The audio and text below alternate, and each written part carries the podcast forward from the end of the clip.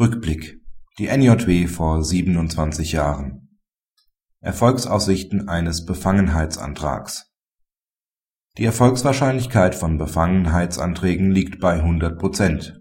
Solche statistischen Werte gibt es sicherlich nur im NJW-Rückblick. Im aktuellen Heft NJW 2010, Seite 1158 im Leitsatz war es ein kollegiales Verhältnis des Strafrichters zu seiner Hauptzeugin das geeignet war, Misstrauen gegen seine Unparteilichkeit zu erwecken. Die Hauptzeugin war Vorsitzende Richterin einer anderen Strafkammer.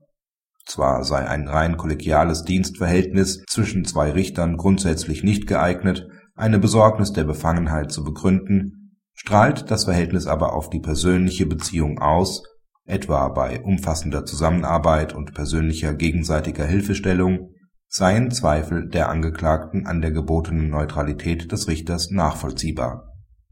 In der Entscheidung des VGH Kassel in der NJW von vor 27 Jahren (NJW 1983, Seite 901) hatte das Gericht den Beteiligten wiederholt nahegelegt, die Hauptsache für erledigt zu erklären, obwohl noch weitere prozessuale Möglichkeiten offen standen.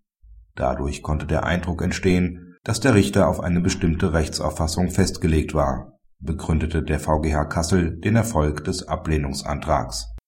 Wie gering sind aber nun tatsächlich die Erfolgsaussichten von Befangenheitsanträgen? Über zahlreiche Zuschriften freut sich die NJW-Redaktion unter leserbriefe.njw.de